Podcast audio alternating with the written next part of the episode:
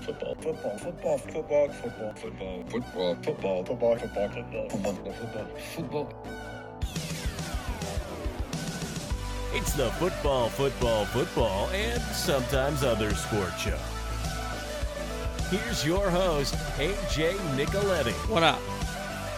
FFFSOSS dot com at FFFSOSS Twitter, Instagram, twitch.tv slash AsianIc3. I know I didn't stream. I said I was to stream. I didn't stream. I think you're t- I think you're used to that by now. If you were like, damn, what did you stream? Yeah. Um, we did not do a Twitch stream over the weekend. But listen, Twitch streams will be back. Cowboy games. I want to do some more Liverpool games. Probably, def- I mean, of course, World Cup at the end of the uh, calendar year. We'll do that. So that's probably the, the big, uh, the next moves for the Twitch stream. Getting ready for those uh, those streams. So that gives me something to think about. So let me write that down. Okay. All right. Here we go. All right. We will have a full U.S. Open recap on the program. Congratulations to Matthew Fitzpatrick. What a, what a story it is. You know, joins a very, very exclusive club.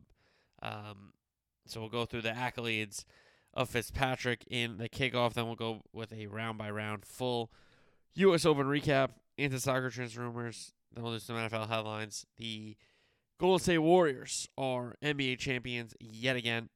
So we'll talk about their Game 6 victory in Boston over the Celtics to claim the fourth title in the Steph Klay, Draymond, Steve Kerr era, which is pretty pretty cool. Pretty cool. And one without Durant now, so they can feel good about having two with Durant and two without Durant. So we'll talk about that. Then we got an update on the Stanley Cup final and more. So that is the program. We'll do Fitzpatrick winning the U.S. Open in the kickoff, then a U.S. Open round by round recap, soccer transfer rumors, NFL headlines, Warriors win the NBA title, Stanley Cup final, and more.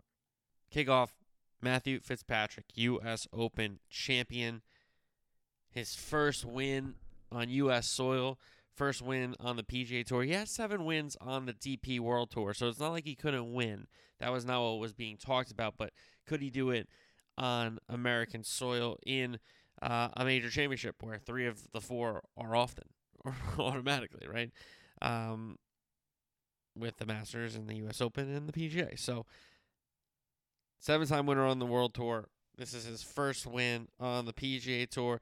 The meticulous note taker, every shot written down. If you haven't heard this story yet, he takes complex notes because the notes and the statistics on the PGA Tour are often just proximity to the hole, not maybe what Fitzpatrick's always aiming at the hole, right? So, you know, his drive, uh, his tee shots, he'll make the notes of, okay, wind was this way. We tried to hit a draw. We tried to hit a fade. I started it at this tower. Should have started at this this tree, whatever. And he'll make that note. And then for approach shots, he'll say, okay, my target was um, one of the grandstand, like Rose, the person in the white hat, whatever it is, right? So and then he'll have his putts or his chips. You know, had a went with a front foot chip, back foot. Like he has all these things written down, and he compiles his notes and knows what he's really good at and knows the things he needs to work on because he's taking the notes about where his targets were, what his misses were, all that kind of stuff. So, and you can't say that didn't pay off because now he's a major champion. So, a very very cool storyline with that. How about the family there. We'll get to the um, the caddy. That was a great storyline. But the family there stayed at the same house they stayed in in 2013 for the USAM. There was no hotels back then um, that were open. Any no vacancy in any of the Boston area hotels for the USAM with so many fans going to the Brookline because it's such a special special place, the country club. Um, and one of the members said we got a spare couple rooms. Come on over. And Fitzpatrick stayed with them in the magical weekend of uh, 2013 there, and they stayed with him again, which is a really really cool story. So, all right, let's get into uh, some more Fitzpatrick here. He was in the final pairing in the final round of the PGA at Southern Hills this year. Came in at six under. He shot three over Ended up finished tied for fifth, so still a good finish. But you're in the final pairing, you at least want to walk away with, um, you know, a playoff at worst. You know, so tough um, day there for Fitzpatrick. He played with Mito, and Mito fell apart, so it wasn't like there were any really good vibes there, um, especially later in that round. So Fitzpatrick gained some more experience in that um, top five finish, and he had some experience from previous uh, majors. Played has played better, has improved, and made cuts, and you know had opportunities, and he has gotten longer and a little bit more powerful. So give him credit for that because he wasn't always the longest guy. So. All right, the accolades now. First Englishman to win a U.S. Open since Justin Rose in 2013 at Merion. He's the first player to get his first PGA Tour victory in a major since fellow Englishman Danny Willett, who won the 2016 Masters. That's also the last time a major was won by an Englishman that 2016 Masters. Fitzpatrick also became the first player since Graeme McDowell in 2010 to earn his first PGA Tour win at a U.S. Open. This marks back to back Europeans taking home the U.S. Open, the first time since 13 and 14. Rahm winning it last year, now Fitzpatrick from England. 13 Rose, we just mentioned, but 14 was Martin Kaymer, his second major championship. That one was at Pinehurst in 2014. Fitzpatrick, 27 years old, the youngest player from England to win a major since Tony Jacklin when he was 28 at the 1970 U.S. Open. And here's where some of the really cool lists come in. He joins a short list of 13 players who have won both the U.S. Amateur and the U.S. Open. That list includes Jack Nicklaus, Arnold Palmer, Tiger Woods, Bobby Jones, Francis Ouimet, and I'll give Bryson a little nod here because he that's a great accomplishment. So congratulations. So a really cool list there, and then an extremely short list alongside Jack Nicklaus of winning the USAM and the U.S. Open at the same course. Jack did it at Pebble Beach. Now Matthew Fitzpatrick has done it at the Country Club in Brookline, one of the most famous places in golf in these United States. Again, he stayed with that same family from 2013. Really, really great storyline. And then on Sunday, he hit 11 out of 14 fairways, missed that 18th, but still made a great bunker shot. We'll get to that in the recap. 17 greens on Sunday. It was a ball striking clinic with the approach shots, which some of the tee shots on the par threes. An absolute clinic of ball striking by Matthew Fitzpatrick. He was the only guy to get to, um, I think, eight and two, if I'm not mistaken, right? Not a lot of guys went for that green and two, and he got it there. So, and now we get to his caddy, Billy Foster, who's been on the bag since 2018. It's his first major in a 40 year career. He's been on players' bags, Seve Ballesteros, Darren Clarke, Sergio Garcia, Lee Westwood, even Tiger Woods for a President's Cup featured Billy Foster on the bag. And Billy has his major. You saw when Zalatoris' putt slid by the camera on Fitzpatrick, he was looking at his caddy because his caddy had pulled his hat over his face, and then you got the note from Dan Hicks and Azinger that his caddy's been around for a long time and it's his first major. So Fitz went over to console him. Usually the caddy's got to tell the player to get a little, uh, you know, yeah, stay in the moment, but you get it get it together a little bit. You got to shake some hands first before you let it all go. But it was Fitzpatrick calming the caddy down in, in that 72nd green. So really cool story there, and so many accolades for Fitzpatrick. Finally, that win on U.S. soil. Finally, that win in a PGA Tour event, and also his first major championship. And oh, so special to do it at the place where you won a USAM, where you really put yourself on the map of golf and and young and youth golf, and now you've put yourself on the map in the world of golf at the same course you did it at so many years ago, which is what a cool storyline. And you know, only two males male players have done that, Jack and him. That's pretty pretty cool. And yeah, some players who win the USAM and go on the tour, maybe the the US Open's never at that course again. Whatever. This time it was for this guy, and he did it, and he joins Jack. That's so cool. What a tournament for Matthew Fitzpatrick. All right, let's get into the round by round recap. Round one, we had 25 players in the 60s. 41 players par or better. The round one leader was the Canadian Hadwin with a 4 under 66 the round of the day. Rory came in at 3 under. His only bogey was on the ninth hole, his 18th hole of the day. Had it at 4 and dropped a shot to 3. Joel Dahmen, Tarren, Lingmerth, and Daffue also shot 67 to join Rory at 3 under after the first 18 holes. At 2 under, the pack led by Justin Rose, that Merion champion. Dustin Johnson, Fitzpatrick there with a 2 under 68 to open up his tournament. Harman, the lefty, Wise, NeSmith, and Buckley were also at 2 under. The crew at 1 under, JT, Morikawa, Jon Rahm, the defending champ, Adam Scott, Max Homa, Will Zalatoris, the Pebble Beach champion, Gary Woodland, Kokrak, Piot, Rodgers, and Hardy. Also Hossler there with 69s. The crowd at even par.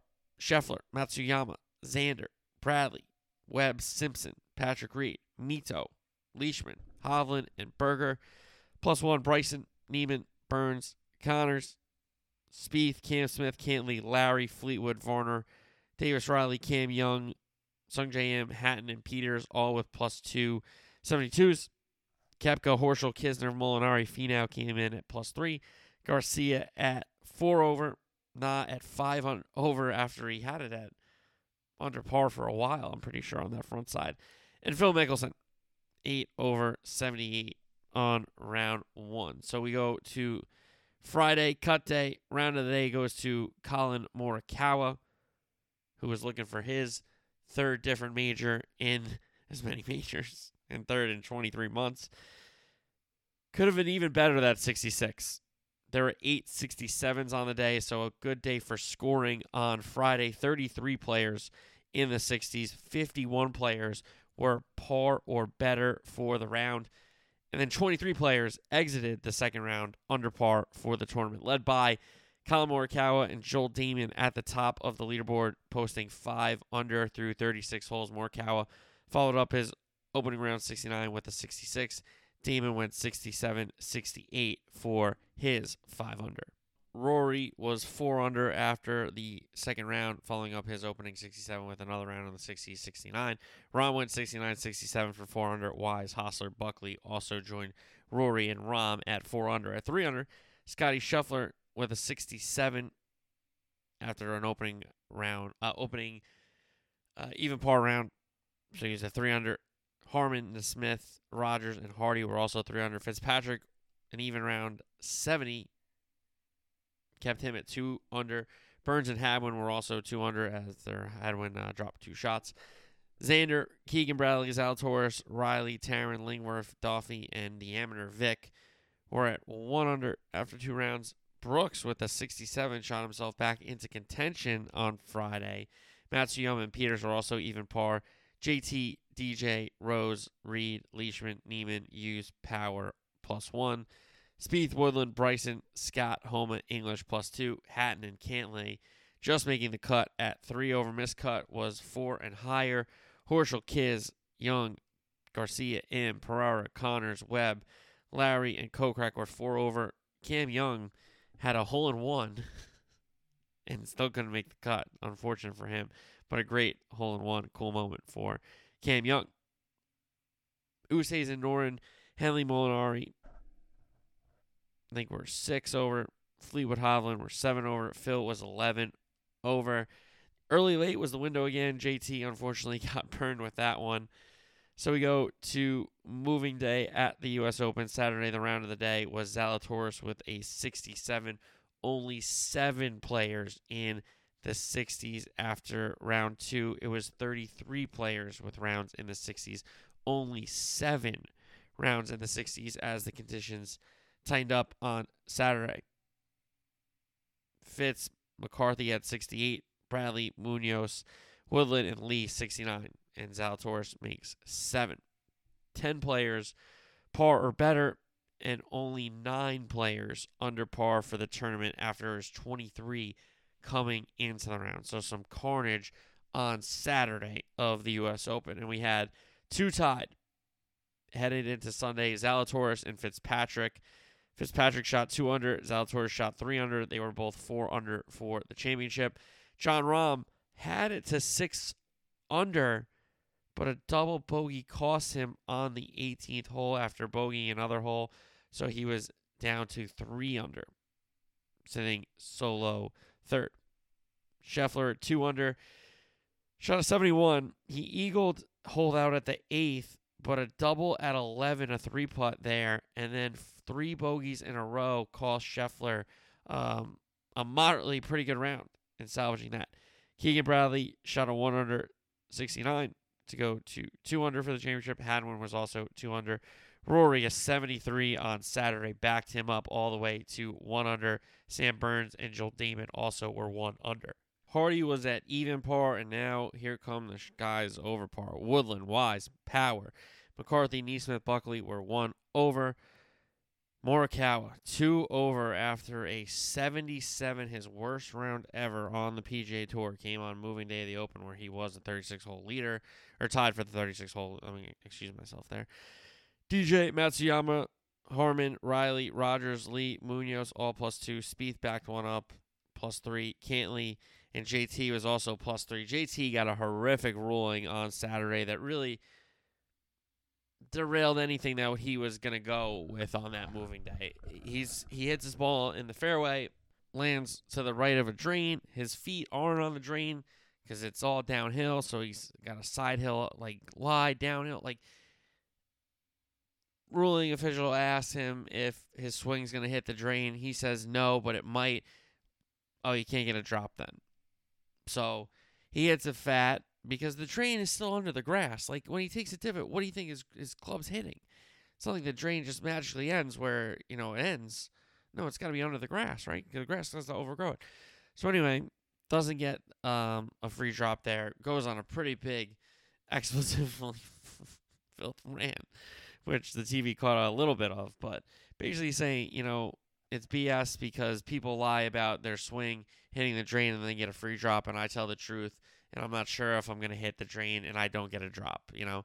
So he was upset about that. It pretty much derailed him. Um, he's a fiery, emotional player, and if it's not going to. If that ruling goes the other way, he gets a drop and he can, you know, play it, hits it close, makes birdie instead of struggling to make bogey.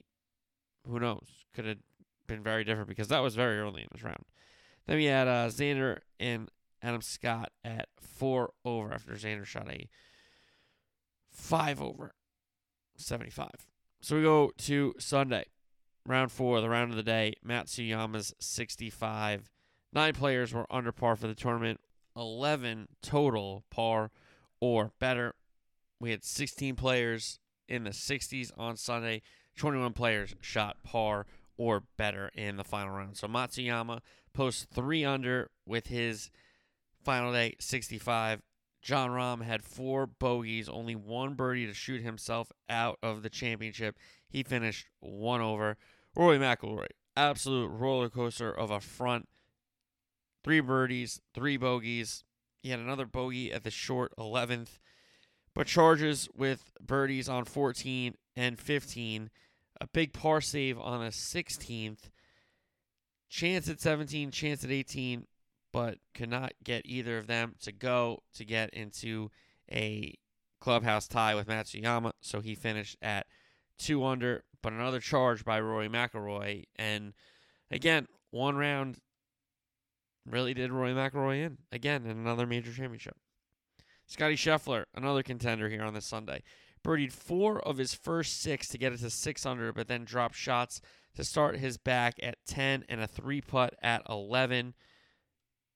Uh, birdied 17, sunk a long par putt on 18 to post five under to give Fitzpatrick and Zalatoris something to look at. But here we go with those two in the final pairing. Fitzpatrick birdied three and five. He dropped a shot with a bogey at six, but then quickly erased that with a birdie at the par five eighth. Bogeyed 10 and 11. Zalatoris dropped shots early on two and three, but then mounted a charge. Four birdies through six holes six, seven, nine, and the par three, 11th. He birdied, and that birdie at 11 gave him the lead. But immediately a bogey at 12 gave that shot back. Fitzpatrick birdie 13. That tied the lead. Made another birdie at 15 to take a two shot lead when Zalatoris bogeyed the same hole. Zalatoris then birdied 16 to get back, uh, get back within one, but a chance at 17 went be- begging. Fitz drive on the 18th hits it into a fairway bunker, but then a awesome approach shot from that bunker gave him a chance to two putt for par, which he did. Zalatoris' birdie putt to force a playoff just drifted by the hole. He said that six feet out, he thought he made it. So, what a great Sunday. Excellent shot making between Scheffler's quick charge up the leaderboard. You had Rory kind of hanging around. Um, Matsuyama posted a really good score at three under in that clubhouse, and then the duel in that final pairing of Fitzpatrick, who was very solid, and then Zalatoris, who got the putter going and was walking some long ones in.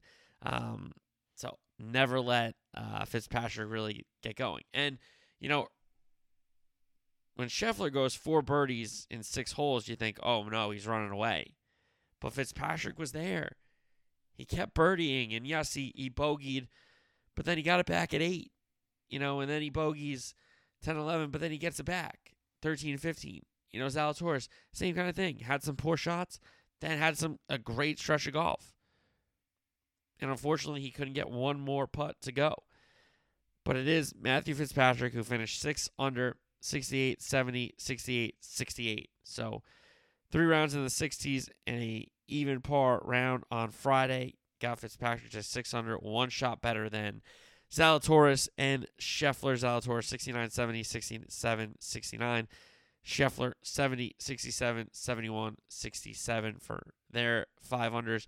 Matsuyama solo fourth with three under 70, 70, 72, 65. Rory and Morikawa both tied for fifth with two under. Rory 67, 69, 73, 69. So that's 73 costing Rory McIlroy. And then Morikawa is going to be six, 69, 66, 77, 66. Tied seventh, Keegan Bradley one under, McCarthy one under, Hadwin one under.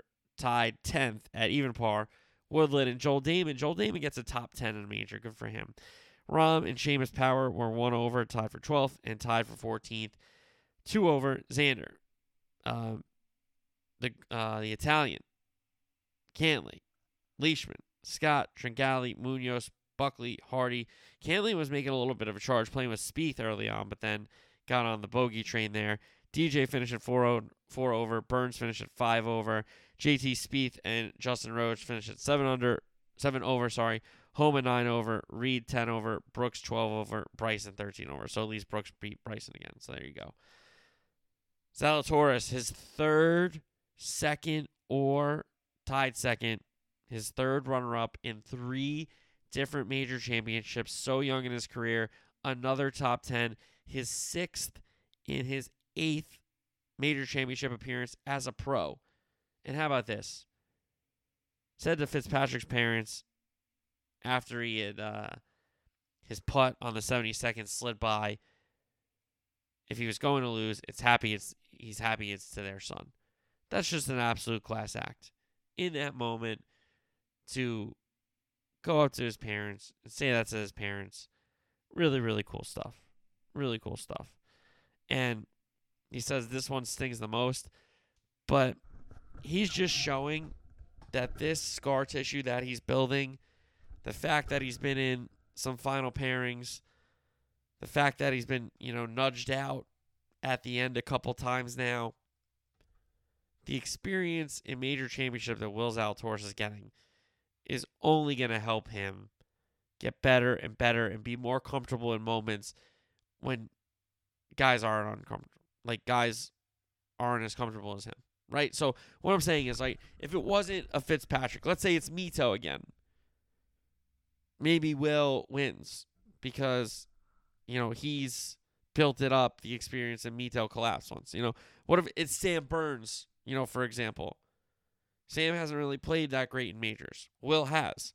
Will probably would have beat him. You know, so listen, Will is a great, great player. He's going to be a star in this game. He has nothing to hang his head about. Another second place finish. You know, looking it up and looking at all the majors and people that won and people that didn't win or people that came as many top fives and wins and stuff like that. Jack has 18. He has 19 second places. So he could have like 30 majors, you know? So just think about how many second places he had. If you got three already in your young career, your majors are going to come, kid. So it's got to hurt. It pro it, it's got to hurt more than the the playoff against JT because he didn't even necessarily play that bad in the playoff against JT. JT was just locked in. And Zalatoris did make a putt to get into that playoff on the second 72nd. So third runner up already. His time will come. Scottie Scheffler, sixth top 10 in 10 majors, including that Masters win. So Scottie Scheffler shows that he can play golf. And though the U.S. Open, sometimes it wasn't his best, you know, a couple bad shots on Saturday, a couple bad shots on Sunday might have cost him. But another a, a second He's a great player. Um, and I think he wins multiple majors. You know, there's guys that are going to win multiple majors. And he's one of them, in my opinion.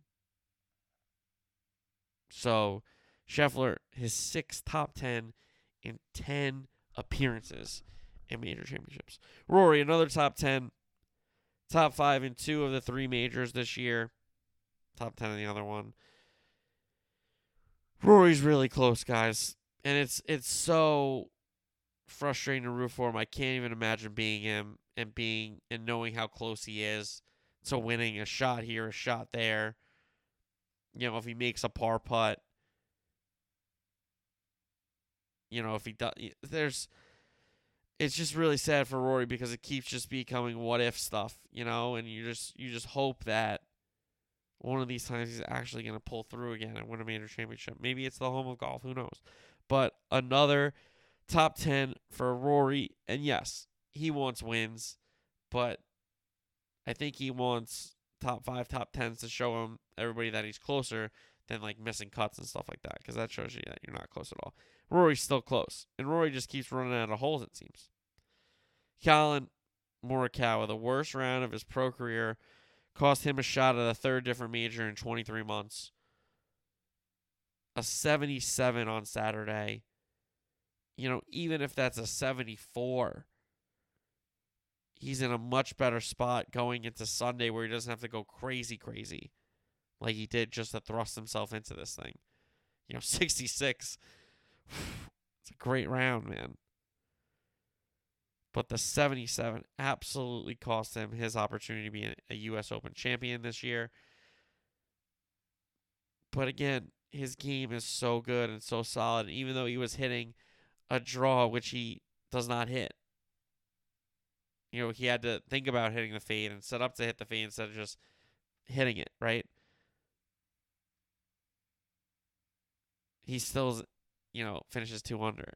He still finishes top five. So listen, another great major championship.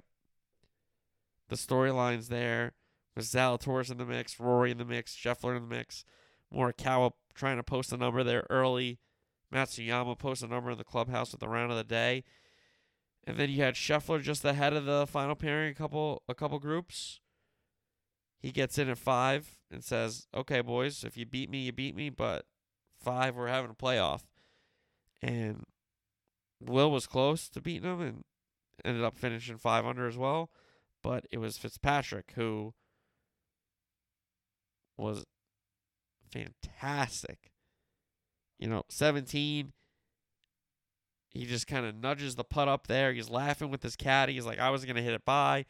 Taps in for his par. Then on 18, he blasted into the fairway bunker with three wood when he probably should have hit hybrid or iron off the tee or done something different.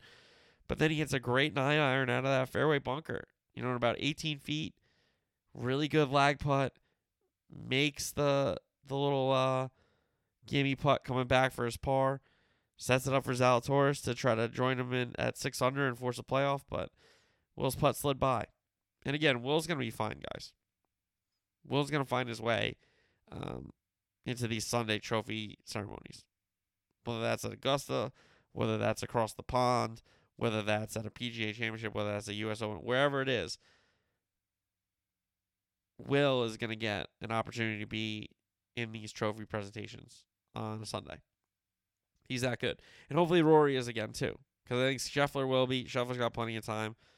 Not that Rory's running out of time, but you know, these young guys are really, really good. Really, really good. And it's all about Fitzpatrick. You know, big for the English. First major championship since 2016 with Willett. First US Open since 2013 with Justin Rose. Big for the caddy. That was a cool storyline. And maybe the most cool storyline winning at the country club, one of the more historic golf courses in the world, certainly in this country, as an amateur in the US Am, and then coming back when the course is hosting the US Open, the major championship, the national championship of America in golf. And you win there too. Pretty, pretty cool. Pretty cool. So congratulations to Matthew Fitzpatrick, his family. How about the brother, the mom, the dad? They're all there. The brother was on the bag as a youngster uh, for the amateur. Now he plays at Wake. So he's probably going to be on the tour soon, but his brother is now a major champion. And what a what a gift on Father's Day. Happy belated Father's Day to everybody out there, by the way. Sorry I didn't lead off with that. But what a moment for Matthew Fitzpatrick. And now we only have one major championship left. It will be the 150th Open Championship at the home of golf, St. Andrews in July. Cannot wait for that one. Hopefully, Tiger is good to go and he gives us another run at it. Hopefully, Rory can make another run at it. One of my guys can get another major here to end this season. All right. Enough golf. Let's go to footy soccer transfer rumors. Barca make the Lewandowski bid. So their intentions finally have uh, made their way into a uh, offer for Robert Lewandowski from Bayern Munich. So Bayern will reluctantly accept one of these offers eventually because Lewandowski's already said like, "Hey, let's make this amicable. I'm not playing for you anymore. I want to go to Barca. Just sell me, kind of a thing, because I'm not going to renew a contract. So don't like play me here." So we'll see Barca if they get Lewandowski and get that deal sorted out. They're also trying to jump in front of Chelsea for Jules Koundé from Sevilla, which would be a huge move because Chelsea has just not been able to get Koundé the last, I, I would say, three windows. You know, they talked about him last uh, January, they talked about him last summer, and they talked about him this January. And if Chelsea try to get you for four windows and they don't get you, and then Barcelona jumps in front, I don't think uh, the London, uh, the Stamford Bridge crowd is going to be very happy about that. Let's just say that. Barca also want Bernardo Silva from Man City, and they're trying to get Rafinha from Leeds still. Um, more on Rafinha in a minute, but uh, Sadio Mane to Bayern Munich, done deal. Liverpool selling the Senegalese star who said that he wants another chapter. He wouldn't resign uh, with one year left on his contract. So Liverpool using some of the money they're going to get from a lot of their sales. They just brought in Darwin Nunez to basically replace Sadio Mane, and now Mane to Bayern Munich. Done deal. That'll be announced soon. Liverpool are not going to uh, offer and bid for Jude Bellingham this summer because Dortmund says they already are not going to sell him this window. With selling Erling Haaland, they're not going to sell their other big, I guess, uh, you know, prize. Their uh, little diamond there in the torture in the transfer market. So Liverpool will start asking about Bellingham in January, I'm sure, and then we'll try to get the deal done next summer. But Dortmund not selling Jude Bellingham this window. Inter have up their offer to seven million loan for Lukaku. Chelsea's valuation they want ten million at least in the loan for the Belgium striker. Dybala deal to Inter. They're saying that deal is done. It's just a matter of time before that's announced, and they really want Lukaku back because he was. To be fair, he was brilliant for them. Now, was that the Conte system? Who knows? But he was brilliant for them in uh, that striker role at the San Siro. So Inter have offered seven. It seems like Chelsea are going to hold out for 10. Inter will probably meet 10, but they're trying to lowball for sure. Uh, Chelsea have now asked Man City about Raheem Sterling and Nathan Ake. So could Raheem Sterling's time at Man City be done? Will he go to another Big Six club um, after starting there with Liverpool, moving to Man City, and now Chelsea asking about the English winger Raheem Sterling? Nathan Ake, that would be a good move for Chelsea, a guy that they can certainly plug in and play um, in their one of three center back positions. He's a left footed center back, which really helps. Um, and with a lot of youngsters going to be on that Chelsea back line, in my opinion, if they don't go get a Jules Koundé, if they don't go um, and sign another center back, yes, they have Thiago Silva, but they've lost Christensen, they've lost Azpilicueta, they've lost Rudiger. Um, so they need to replace some guys. Yes, Sarr can play a little bit. Yes, Chalobah can play a little bit, but are you going to turn it over to them right away? Um, I don't think so. So Nathan Ake would make a ton of sense for me. I think that would be a really good move for Chelsea. Man U Still trying to get De Jong from Barcelona. Dembele is saying to a fan that posted the video on the streets of Barcelona that he wants to stay and he's looking for a new contract from the Nou Camp. More from Man United. Apparently, United, Chelsea, and Newcastle are all interested in Sergei Milinkovic Savic from Lazio. Another guy who's had a history, you know, him, Koulibaly, some other players in the Serie A who a lot of other clubs, whether that be you know clubs from La Liga, uh, Premier League clubs, you know other clubs in Italy, clubs in Germany, clubs in France, wherever it was, asking about some of these players, and I'm just saying, "Nah, I'm good here." But is it time for Milinkovic Savic SMS to make a move to the Prem? Newcastle, Chelsea, and Inter interested in him. All three teams could use him for sure. Tottenham make their move. They strike for Bissouma, uh, 25 million to Brighton, a guy that has already kind of displayed not the best feelings for Arsenal, so he'll fit in at Tottenham.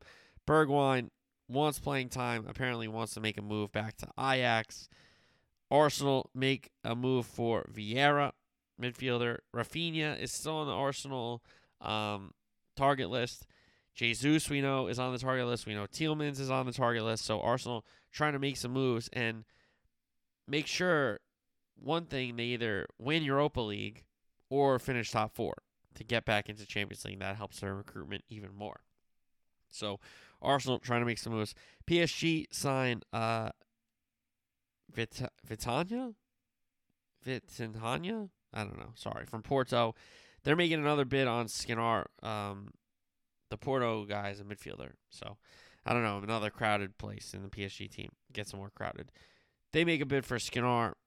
They're trying to help their center backs out from uh, Inter their skin on.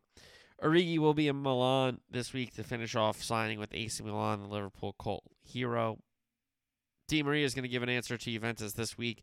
The Pogba deal is a done deal. It will be just signed in July. Uh, Jovic, who kind of flopped in Madrid, didn't really get time. I think if Benzema didn't become absolute world class, world beater, Jovic would have gotten more playing time and an opportunity to prove himself. But with Benzema being a Ballon d'Or candidate, a brilliant one, one of the ones at the forefront for the trophy, Jovic didn't really play. So he's going to Fiorentina. Mourinho wants Saúl for Roma. The former Atletico Madrid midfielder was um, moved on to Chelsea. Didn't really find his legs in that Chelsea side. Witsel is going to go to Atletico. Speaking of Atletico, Dortmund wants Sebastian Haller to um, replace Haaland. That's a really good signing if they do get him from Ajax.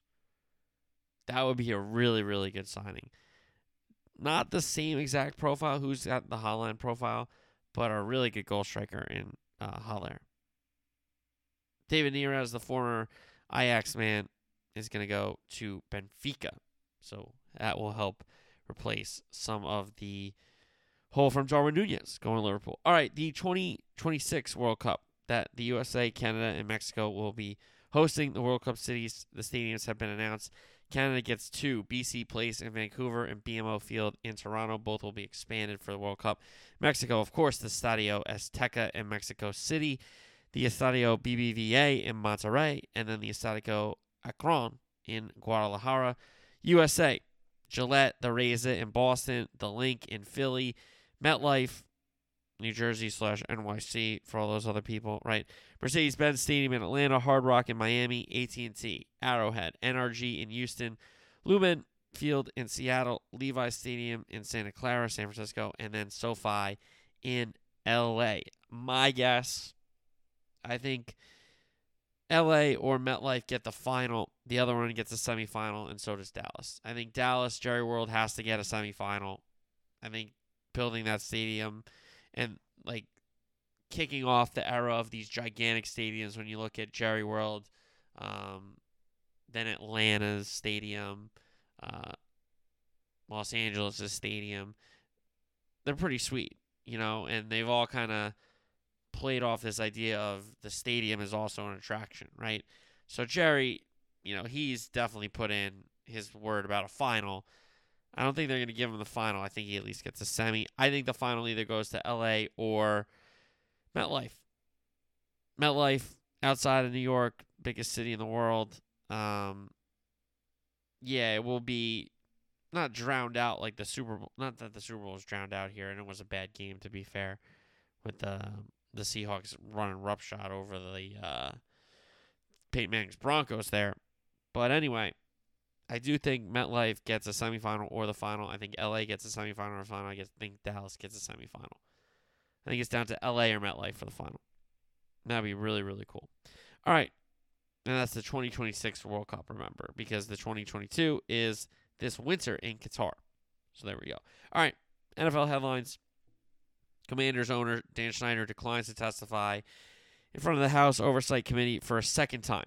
Um, the House Oversight Committee spokesman, quote, his refusal to testify sends an unmistakable signal that Dan Snyder has, Mr. Snyder has something to hide and is afraid of coming clean to the American public and addressing major worker protection concerns facing the NFL. And Mr. Spokesman, I think you're right. I think you're right. I mean, this guy's a clown. We all know that. All right. Um, more and more rumblings about Deshaun Watson's suspension incoming. It will be uh, he'll be in violation of the player conduct policy, a policy that has often hurt guys like Ezekiel Elliott who haven't been arrested or convicted of anything, but just get in trouble and they get suspended. You know, so Deshaun Watson suspension incoming. Most likely, how long, how severe, what's the NFL going to say about it? Like all this kind of stuff because you know, you just the Browns just paid him a lot of money. And if you're just going to suspend him like a year, the Browns are going to be like, "Well, we just paid him a lot of money. What the heck?" You didn't say you were going to you know, so I don't know. We got a Deshaun Watson suspension certainly incoming because lawsuits are mounting and continue to mount up and he'll have his day in court it seems. Um, another quarterback in that AFC North, Lamar Jackson, having more and more contract talks. I saw this Justina Anderson quote on McAfee's show saying Deshaun should drop the or Lamar should drop the Deshaun Watson contract on the on the desk of Bisciotti and say ten million more. Let's start there. Put all the off the field stuff aside. If you think Deshaun Watson at his best isn't ten times better than Lamar Jackson at his best, you're crazy. Sorry. Just saying. So I, I think that's a crazy take, but whatever.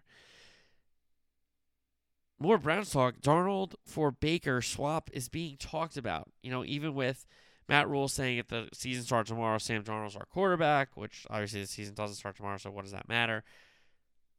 If this suspension happens, which we think it will, the Browns don't really seem, or Baker Mayfield doesn't seem as reluctant as the Browns may think he is to put his helmet on, get under center, and play for the Browns, trying to win them football games. So, could the Browns eat some of that salary, go for Sam Darnold, send Bake to Carolina, and have Sam be the quarterback while Deshaun's suspended? I don't know. That's an interesting swap being talked about.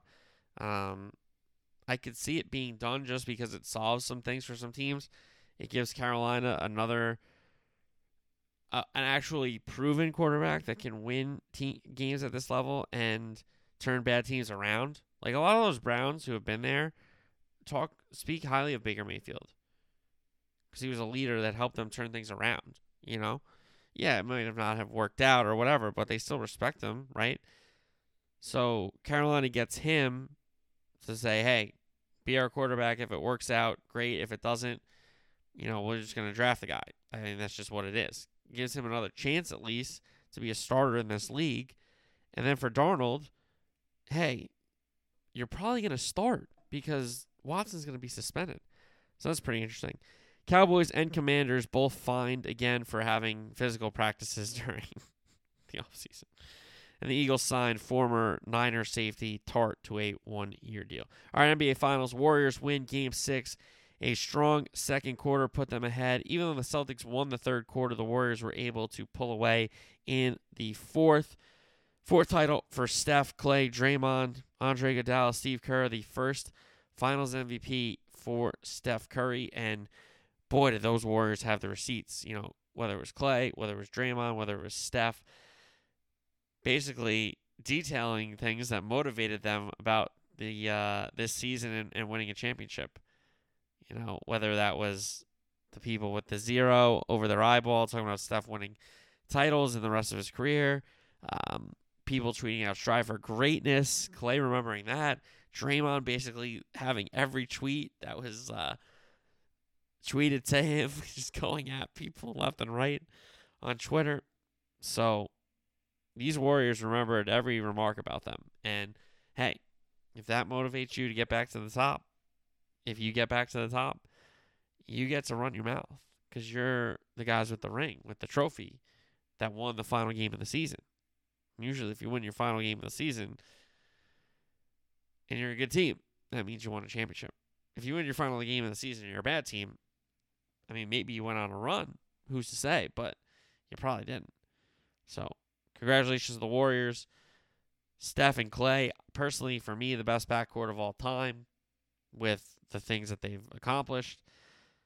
Draymond, an all time glue guy. Andre Iguodala, an all time veteran guy. Steve Kerr just continues to add to his um, accolades as a NBA coach. So again, congratulations to the Warriors. A great title run, a great team, great play, all-time great players, the best shooter of all time, best backcourt of all time for me, maybe the best glue guy of all time, and a guy climbing up the all-time coaching ranks for sure. So congrats to the Warriors, congrats to the fans. Tough year for the Celtics. Just not consistent enough. Didn't make enough shots. Too many turnovers. Too many sloppy plays, and just not as disciplined as they should have been. Not as successful as they should have been in uh, some of those games. But hey, nothing to hang their head about. Got to the finals. Unfortunately, it's a loss to maybe one of the best teams ever, eh, with some of the best guys ever. So, again, congrats to the Warriors. So basketball is done. We turn away from the hardwood to the ice rink. Stanley Cup final, game two. Avs strike early. Avs strike often. Three in the first, two each in the second and the third. They crush the Lightning, put seven past Vasilevskiy, and they go up 2 0 in the series. They held serve at home. Game three, the series shifted to Tampa Bay. The Avs scored the first goal, but it was taken off the board after the puck came out of the zone. They do eventually score the opener. Lightning score twice, take a 2 1 lead into the second period. They got a third. Avs cut it to 3 2. Then the Lightning scored three goals in a row in that second period, made it 6 2. Six different goal scorers on the night for Tampa. A scoreless third period. Tampa gets the win. Colorado up 2 0 in the series now. Two Landeskog power play goals in the loss for the Avs. So, Tampa finding a little bit of their game. Vasilevskiy, his best game, no doubt about it, of this cup final so far in the game three victory over the Avs. So the Avs still hold a 2 1 lead. Tampa will try to get the series even on Wednesday night at home, make it 2 2, go back to Colorado. Again, we know in a seven game series, the series doesn't officially technically start until you lose at home. And that means the series could never start. You know, if you win all your games at home and lose all your games on the road. Even if you're the one that uh, does not have that game seven at home. Anyway, Lightning will try to even it up. Colorado has a goalie uh, situation going on. Do you stick with Kuemper or do you go to uh, Frankie? So Colorado's got to figure out what they're going to do in game four. Got to find their game, got to play better. Tampa found their game after not having it in game two. So we'll see what happens. We really haven't gotten a game where both teams have been on it, in my opinion. Maybe I'm wrong, but uh, just my take on the little hockey I watched this season. So you can tell me I'm wrong. I, I'll say, okay, you're right, whatever. So, all right. So Wednesday's show, we will have the really big thing on Wednesday's show is the last episode of Obi Wan. Like, let's be honest, right? We got Stanley Cup to talk about. Sure, I'm sure there will be more soccer transfer rumors and NFL headlines, but I'll tell you what, Obi Wan Kenobi is really what I'm looking forward to for Thursday's show, recorded on Wednesday, obviously. So, all right, everybody, have a great week. Happy belated Father's Day to all my fathers out there. Hopefully, you had a great day. And congratulations to Matthew Fitzpatrick. We'll talk to you Thursday. Until then, peace.